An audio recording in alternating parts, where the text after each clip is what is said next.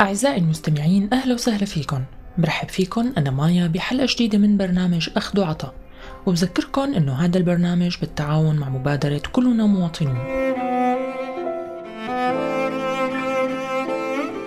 ملايين من السوريين اضطروا بسبب العنف وسوء الأحوال الاقتصادية للنزوح أو الهجرة. والشي اللي عم نقدر نلمسه اليوم أنه حالة النزوح الداخلية بالعموم ما هي إلا محطة سابقة للهجرة وترك البلد. خاصة عند الناس اللي خسرت أفراد من عائلتها وممتلكاتها وأشغالها واللي زاد النزوح بشكل كبير من معاناتها.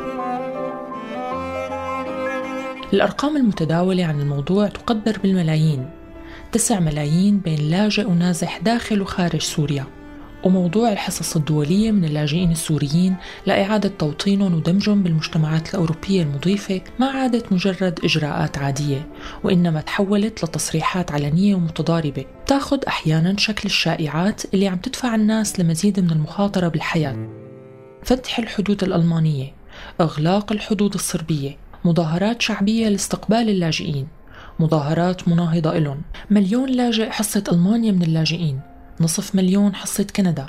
معلومات نصائح تصريحات إيجابية تصريحات مناهضة جمعيات وشعوب داعمة شعارات عنصرية ضد اللجوء والمواطن السوري ضايع ومشتت بين الخوف من القتل والخوف من الغرق وتفويت الفرصة. حركة اللجوء السورية أسبابها ودوافعها مين وراها ومين داعم إلها والتسهيلات الدولية الحالية موضوع حلقتنا لليوم. بعد الفاصل خليكن معنا. وين أنت حاليا مقيم وبأي طريقة؟ قدمت لجوء؟ أنا حاليا مقيمة بالشام و طلعت من جديدة بسبب الوضع واستأجرنا جوا بالشام. هلأ آه، حاليا أنا مقيمة بدمشق. كنت ساكنة بريف دمشق تهجرت وقاعدة هلأ بقلب الشام.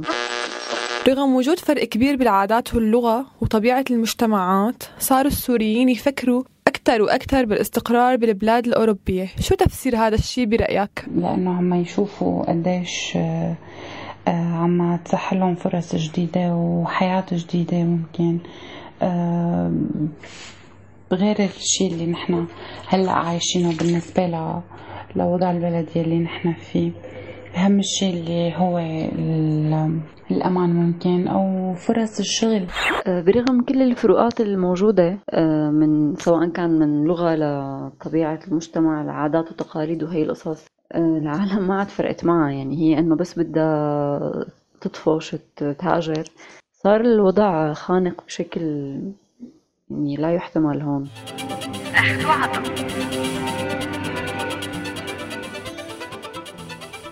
أهلا وسهلا فيكم من جديد.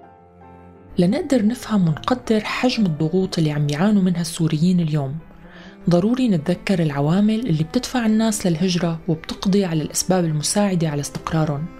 فسوريا اللي عم تشهد تغييرات كبيرة وجذرية على الصعيد الاقتصادي والاجتماعي والسياسي والإنساني هي غير سوريا امبارح.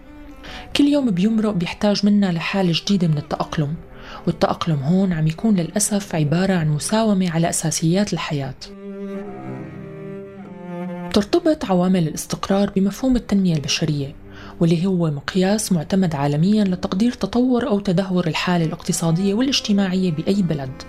وبغطي أبعاد ثلاثة هن الصحة والتعليم والدخل. وباختصار وحسب هالمؤشر الإنسان السوري اليوم تراجع التقديرات العمر المتوقع له من 75 سنة ل 55 سنة. يعني التراجع هو بحدود العقدين. أما التعليم فتسرب ملايين الأطفال من المدارس بفعل العنف خلى سوريا تتراجع من المرتبة 124 للمرتبة 168 بالعالم. 44 درجة هن خسارة سوريا بدليل التعليم العالمي. وبخصوص مستوى الدخل فأكيد تم تسجيل تراجع رهيب متزامن مع ازدياد وقفزات كبيرة للتفاوت وعدم المساواة بالوضع الاقتصادي. تراجعت سوريا من المرتبة 116 للمرتبة 172 بحسب دليل الدخل. هالأرقام كلها معتمدة بحسب دراسات مستقلة ودراسات تابعة للأمم المتحدة. عم تسمعوا أخذوا عطاء على راديو سوريالي بتشكل هي بعض من دوافع الهجرة واللي عم تخلي السوريين اليوم يخاطروا بحياتهم وحياة أطفالهم ليوصلوا للأمان وليبتعدوا عن العنف. وببساطة منقدر نوصف هالهجرة بحالتها العامة بأنها هجرة قسرية. أمام عوامل الهجرة المرتبطة بالدمار والعنف وفقدان أساسيات الحياة قديش ممكن يكون مفاجئ نعرف أنه عدد السوريين كان بال 2010 تقريبا 21 مليون ووصل بنهاية عام 2014 لحدود 17 مليون. إذا اعتمدنا فقط على عدد اللاجئين المسجلين واللي بيقارب ل 3 مليون لاجئ. وهالأرقام طبعا ما بتشمل المهاجرين غير المسجلين أو اللي بانتظار التسجيل خاصة بعد موجة الهجرة الأخيرة واللي بحسب الدراسات إنها رح تساهم أكثر بتشويه الخارطة الديموغرافية للسكان وتزيد من اختلالها وبالتالي تأثيرها على مستقبل البلد وموارده البشرية والاقتصادية رح تكون مدمرة. فعدد السوريين المهاجرين من غير اللاجئين من أفراد الطبقة المتوسطة اللي سافروا للعمل والاستقرار بدول تانية بلغ بنهاية عام 2014 حوالي مليون ونصف. عام 1950 وفقط ب 37 موظف وميزانية ما بتتجاوز ل 300 ألف دولار أمريكي. تم تأسيس المفوضية السامية لشؤون اللاجئين لفترة حددت بثلاث سنوات. بهدف مساعدة اللاجئين الأوروبيين الهاربين من الصراع بين الدول المشاركة بالحرب العالمية الثانية. وبتاريخ 25 تموز سنة 1951 وافقت الجمعية العامة للأمم المتحدة على الاتفاقية الخاصة بوضع اللاجئين. وكانت هالاتفاقية خاصة بتوفير الحماية بصفة أساسية للاجئين الأوروبيين بأوروبا. ليوسع بعدها بروتوكول عام 1967 من نطاق الاختصاص المحدد للمفوضية ويشيل الحدود الجغرافية والزمنية الواردة بالاتفاقية الأصلية خاصة بعد ما انتشرت مشكلة النزوح بمختلف أرجاء العالم. وتبعها عدد من الصكوك الإقليمية مثل اتفاقية منظمة الوحدة الإفريقية لعام 1969 وإعلان كارتاخينا لعام 1984 والخاص بلاجئي أمريكا اللاتينية. بتعرف الاتفاقية المقصود بلفظ لاجئ وتفاصيل حقوقه بما فيها حرية العقيدة والتنقل من مكان لآخر. والحق بالحصول على التعليم ووثائق السفر وإتاحة الفرصة للعمل. وبالوقت نفسه بتشدد على أهمية التزامات اللاجئ تجاه الحكومة المضيفة. وبتنص بأحد أحكامها الرئيسية على حظر الطرد أو الرد لبلد ممكن يتعرض فيه اللاجئ للاضطهاد. وبتحدد الأشخاص أو مجموعات الأشخاص اللي ما بتشملهم الاتفاقية. أولى حالات الطوارئ اللي تعاملت معها المفوضية كانت نتيجة سحق القوات السوفيتية للثورة المجرية سنة 1956 وتبعها حالات تانية بعد إنهاء الاستعمار للدول الإفريقية إضافة لأزمات نزوح من دول آسيا وأمريكا اللاتينية وأخرى نتيجة حروب دول البلقان. أما القرن الواحد وعشرين فشهد موجات لجوء كبيرة خاصة بعد الحرب الأمريكية على أفغانستان بالعام 2001 وحرب العراق عام 2003 وبحسب تقرير للمفوضية حمل عنوان اتجاهات حالات اللجوء لعام 2014 تعتبر حروب سوريا والعراق والنزاعات المسلحة وانتهاكات حقوق الإنسان وتدهور الأوضاع الأمنية والإنسانية حول العالم دافع لاتجاه الناس لطلب اللجوء بالبلدان الصناعية مثل أمريكا وألمانيا والسويد وإيطاليا واللي بلغت رقم قياسي غير مسبوق من 22 سنة.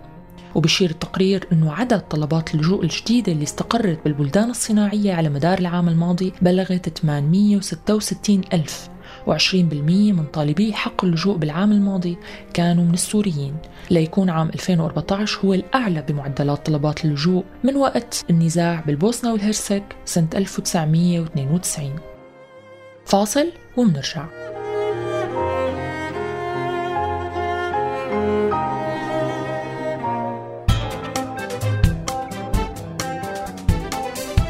بتعتبر التسهيلات اللي عم تقدمها الدول المضيفة حقيقية؟ ممكن تكون التسهيلات اللي عم تقدمها الدول المضيفة حقيقية وممكن لا يعني ما شفت شيء بعيني أو ما عشت هذا الشيء لحتى نحكم بس آه، على السمع بس بعتقد إنه آه، غالبا ممكن تكون حقيقية هلأ التسهيلات اللي عم تقدمها باقي الدول يعني إنه هي حقيقة لأنه نحن عم نشوف إنه عم يستقبلوا هذا الكم الكبير من اللاجئين وعم يقعدوا بالمخيمات لفترة معينة وعم يطلعوا يعني ويمارسوا حياتهم بشكل طبيعي ويتعلموا لغة ليش برأيك باب اللجوء مفتوح بالوقت اللي عم تنرفض فيه الطرق الأخرى للإقامة؟ آه، هن بيستقطبوا النسبة الكبيرة من الشباب آه، مشان يشغلوا يكون في يد عاملة يعني آه، ممكن برخص أسعار ما بعرف هيك بظن يعني. بظن غالبا إنسانيا يعني كونه سوريا عم تشهد شيء ما منيح. في شيء من الانتقاص للإنسانية يعني. العالم عم تتعذب وتطلع وتغرق بالبحر ومع إنه في منظمات قادرة إنها تساعد يعني بأوروبا. ومع هيك يعني إنه عم ياخذوا العالم كلجوء وما عم ما عم يساعدوا فهذا الشيء ما, ما بقدر أعرف له سبب. شو بتستفيد الدول الأوروبية من استقبال الأعداد الكبيرة من اللاجئين من سوريا والشرق الأوسط برأيك؟ بعتقد أنه أولا وأخيرا إنسانيا بظن. أنا بشوف أنه أنه أوروبا عم تستفاد من هذا العدد الكبير من اللاجئين أنه هو كعمالة. يعني أكيد هي عم تحرك اقتصادها بهي الطريقة. نشيل قصة إنه الجانب الإنساني بس كمان في فكرة ذكية أكيد من وراء استقبال هالكم الكبير. يعني أنا ما بشوف غير إنه هي عم تحرك اقتصاد.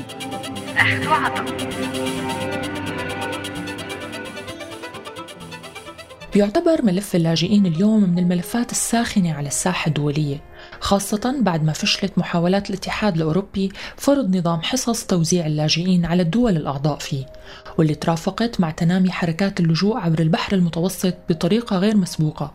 تبعها مظاهرات شعبية أوروبية عم تطالب حكوماتها باستقبال اللاجئين وتأمين الحماية لهم خاصة بعد انتشار صور ضحايا الغرق وفيديوهات معاناة اللاجئين على حدود الدول الأوروبية.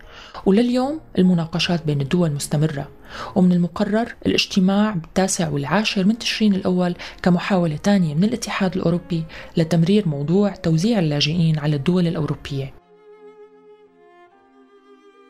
النزاع بسوريا على أشده من ثلاث سنوات تقريبا. مع هيك ما كان الاهتمام باللاجئين والنازحين والمهجرين قسريا بولا يوم مثل ما هو هلأ. أوروبا اللي كانت حلم بعيد المنال بالنسبة لكثير من السوريين خاصة ومواطنين الدول اللي عم تعاني من الحروب والمشاكل الاقتصادية بشكل عام. صارت نهاية سعيدة وشبه مضمونة لطريق وعر وخطر. كتار مروا فيه وخسروا أرواحهم وكتار وصلوا وعم يوصلوا على آخر نفس لأرض الأحلام والفردوس المفقود. ليلاقوا احتفاء وترحيب بحياتهم ما حسوا فيه ببلادهم. لكن من وجهة نظر تانية ومثل ما تعلمنا نشكك بكل طفرة إنسانية عم تصيب العالم فجأة. لازم نفكر شوي بالأسباب اللي خلت المجتمع المتقدم فجأة يفتح الأبواب وبهالقوة والمخاطرة بحدوث الفوضى والهجمات الإرهابية ليستقبل اللاجئين الهاربين من الظروف المأساوية ببلادهم واللي إلى سنين عم تحدث. المجتمعات الأوروبية مجتمعات إجمالا بتميل للشيخوخة مع تراجع كبير بنسبة الولادات وهذا الشيء عم يسبب نقص كبير بالأيدي العاملة. اتحاد أرباب العمل بألمانيا اللي تراجعت فيها البطالة لأدنى مستوى من وقت ما توحدت ألمانيا الغربية والشرقية بيقول إنه البلد بحاجة ل 140 ألف مهندس ومبرمج وتقني وإنه قطاعات الحرف والصحة والفنادق عم تدور كمان عن يد عاملة وممكن حوالي 40 ألف فرصة عمل تدرب تضل شاغرة هي السنة والمتوقع أنه يكون في نقص عمالة بحدود مليون و800 ألف شخص بمختلف القطاعات بألمانيا بسنة 2020 إلا إذا صار تغيير جذري بالمجتمع. لذلك فتدفق القوى العاملة ممكن أنه يغير معطيات لأنه أغلب المهاجرين هن من الشباب وكتار منهم عندهم مؤهلات جيدة.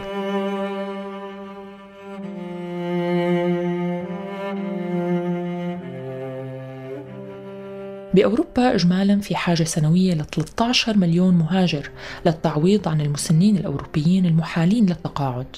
خبراء الاقتصاد بأوروبا من فترة طويلة عم يوضعوا الخطط لاستقدام العمالة من الخارج وتنظيم عمليات الهجرة باتجاه المصانع وقطاعات العمل الحيوية. واللي صار هلأ أنه عدد كتير كبير من المهاجرين إجوا بدون عناء وتكلف بالترويج والدعاية للبلاد والفرص اللي فيها. الباقي فقط هو حسن إدارة هي الموارد الجاية وتحجيم الفوضى قدر الإمكان. لكن ليش هلأ وليش ضمن هي الظروف؟ العديد من السوريين اللي عم يحاولوا إنه يسافروا بطرق نظامية أو يحصلوا على إقامة عمل أو دراسة عم يعانوا من كثير من الصعوبات للحصول على هي الفرص بأوروبا وأمريكا. التأشيرات مستحيلة التحصيل، الإقامات صعبة جدا، بالمقابل التشجيع كبير على تقديم الأوراق للجوء حتى للمقيمين من فترة بهي البلدان. المؤسسات المسؤولة عن سوق العمل صرحت بأكثر من مناسبة بأنه هي عم تدور على الأجير اللي بتضمن أنه ما رح يترك البلد بين يوم وليلة خيار الرجوع للبلد الأم هو أسهل طبعا للمقيم من المهاجر أو اللاجئ اللي عبر الحدود بطريقة غير شرعية. هل من تأثيرات سلبية على أوروبا بسبب موجة هي الهجرة واللجوء؟ على الرغم من الإيجابيات طويلة الأمد على أوروبا لكن الصدام بين الحكومات اللي عم بتقدم هي التسهيلات واليمين المتطرف بأوروبا عم يزيد يوم بعد يوم. اليمين اللي عم يحصل مكاسب انتخابية سنة ورا سنة ما رح يضل ساكت على الموجة اللي عم تجتاح المجتمعات الأوروبية. الانقسامات عم تتوضح أكثر بين السياسيين الأوروبيين. وقد يتحول الانقسام لصدام في حال حصلت حادثة بالصدفة أو مو بالصدفة بتعزز المخاوف بالمجتمعات الأوروبية من القادمين الغرباء اللي رح يصيروا مواطنين وجيران. كتار ممكن يقولوا وين المشكلة؟ بأنه الدول الغربية تحقق مصالحها بالوقت اللي بتضمن فيه كرامة اللاجئ المقيم بأراضيها. بالوقت اللي لفظته بلاده وخلته يرمي حاله على الموت على أمل يلاقي الخلاص بمكان أفضل. المشكلة أنه لما بتخلص المصلحة الأوروبية من استقدام اللاجئين الأجانب شو رح يصير؟ هل رح يتبع الإعلام سياسة جديدة معادية للاجئين؟ هل رح تحدث حوادث عنف تقلب المزاج العام؟ وهل رح يكون في مكان تاني للاجئين؟ هل رح يكون الشرق الأوسط الجديد مكان صالح للحياة بوقتها؟ ومين السبب رح يكون بهذا الشيء؟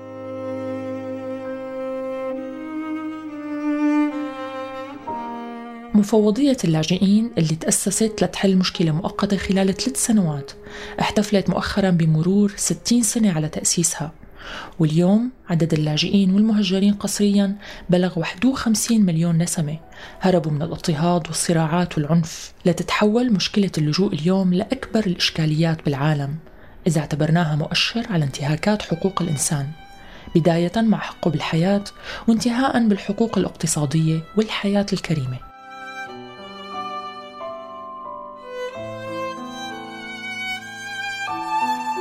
على أمل أنه يوما ما نحن أو الجيل اللي بعدنا أو بعده نعيش بعالم خالي من ثنائية بلدان الجحيم وبلدان الجنة.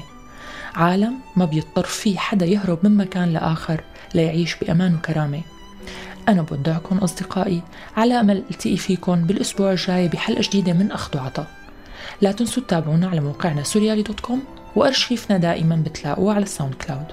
من هون للأسبوع الجاي كونوا بألف خير.